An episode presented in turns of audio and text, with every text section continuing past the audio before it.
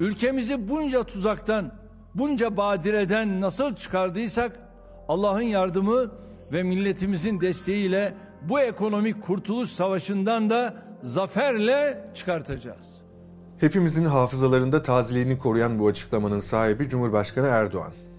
22 Kasım 2021 tarihli kabine toplantısının ardından yaptığı bu açıklamada Erdoğan, ekonomik kurtuluş savaşı tabirini kullanmıştı. Ancak Türkiye siyasi tarihinde bu tabiri kullanan ilk kişi Erdoğan değildi. Bundan tam 28 sene önce 1994 yılında dönemin başbakanı Tansu Çiller tarafından açıklanan ve tarihe 5 Nisan kararları olarak geçen ekonomi paketini açıklarken de Çiller aynı ifadeyi kullanmış ve şöyle demişti. Gelin el birliğiyle omuz omuza bu savaşı kazanalım. Ülkenin üzerindeki kara bulutları dağıtalım, ekonomik kurtuluş savaşından zaferle çıkalım. Çiller böyle dedi ama ekonomik kurtuluş savaşından zaferle çıkamadı. Zaten ortada bir kurtuluş savaşı da yoktu. Peki 28 yıl önce açıklanan ve Türkiye ekonomi tarihinde çok önemli bir yeri olan 5 Nisan kararları neydi ve bu kararları hangi siyasi ve iktisadi süreçler getirdi? Gelin beraber hatırlayalım. Çiller parçası olduğu siyasi ve iktisadi krizlere çözüm bulma iddiasıyla 1993 yılında DYP-SYP koalisyonu hükümetinde başbakanlık koltuğuna oturmuştu. Başbakanlık görevinden önce de yine aynı koalisyon hükümetinin ekonomi bakanıydı. Ancak Çiller başbakan olunca ekonominin faturasını kendisinden öncekilere kesmeye başladı ve işleri rayına oturtacağını söyledi. Bir yandan siyasi çekişmeler tüm hızıyla sürerken Öte yandan ekonomi de uçurumun kenarından boşluğa doğru ilk adımını atmıştı. Böylesi kaotik bir ortamda hükümet 1994 yılının 5 Nisan günü enflasyon ve faizi hızla düşürmek, TL'de istikrar sağlamak amacıyla o meşhur 5 Nisan kararlarını açıkladı. Tarihe geçen bu anlarda Başbakan Çiller'in yanında iktidarın diğer ortağı Sosyal Demokrat Halkçı Parti'nin lideri Murat Karayalçın da vardı. Peki Türkiye 5 Nisan'a nasıl geldi? Çiller'in belki de haklı olduğu tek konu 94 krizine bir günde gelmediğimizdi. Üstelik kendisi 1991'den itibaren ekonominin başındaydı. DYP-SHP koalisyonu döneminde 1993 yılı sonlarına geldiğimizde hem bütçe açığı hem de cari açık çok yüksek seviyelere ulaşmıştı. Hükümetin kaynağı ihtiyacı vardı ve daha ucuza borçlanabilmek için faizleri düşürmek istiyordu. Çiller faizlerin düşürülmesinde son derece ısrarcı bir tavır sergilemiş olsa da Merkez Bankası ve bankalara zorla faiz düşürtemedi. Öte yandan hazinenin borçlanma ihaleleri de yüksek faiz gerekçesiyle ardı ardına iptal oldu.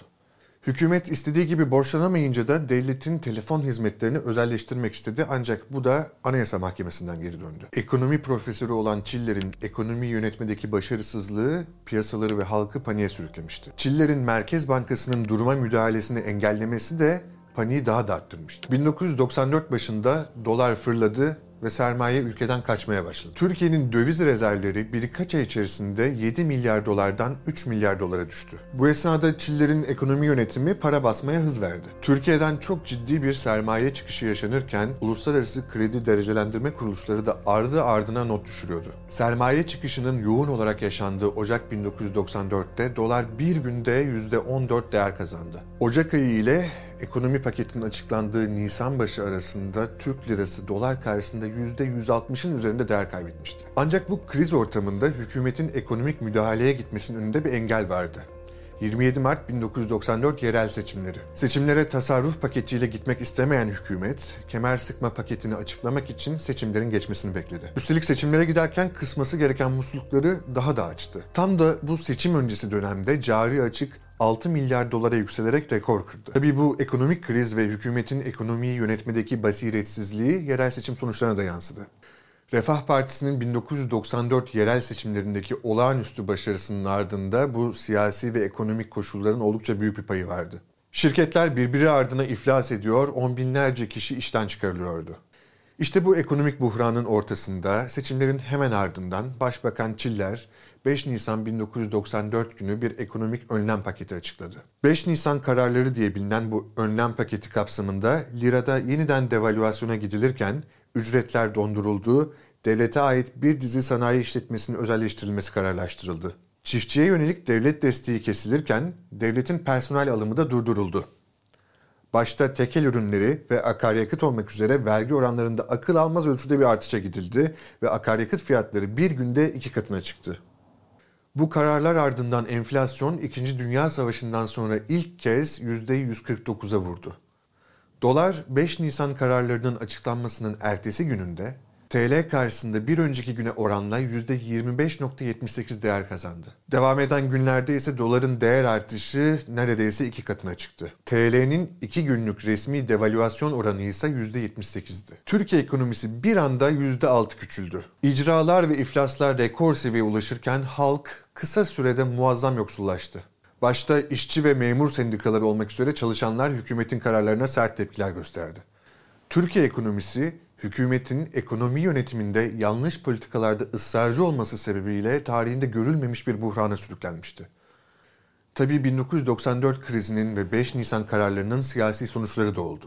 DYP-SYP koalisyonu bozulunca 1995 yılının sonunda erken seçime gidildi. 1991 seçimlerinde %27.03'lük oy oranıyla birinci parti olan DYP'nin 1995 seçimlerinde oyu yaklaşık 8 puan düştü ve seçimden üçüncü parti olarak çıktı. Seçmen yaşanan ağır ekonomik krizin faturasını kesmişti.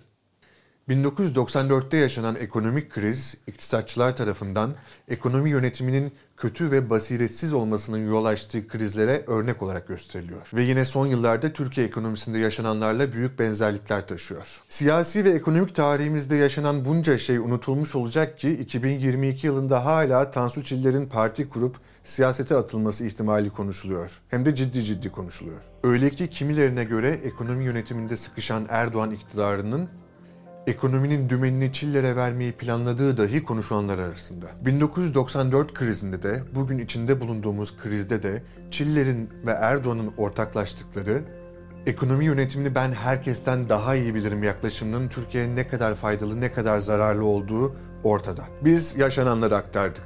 Takdir sizlerin.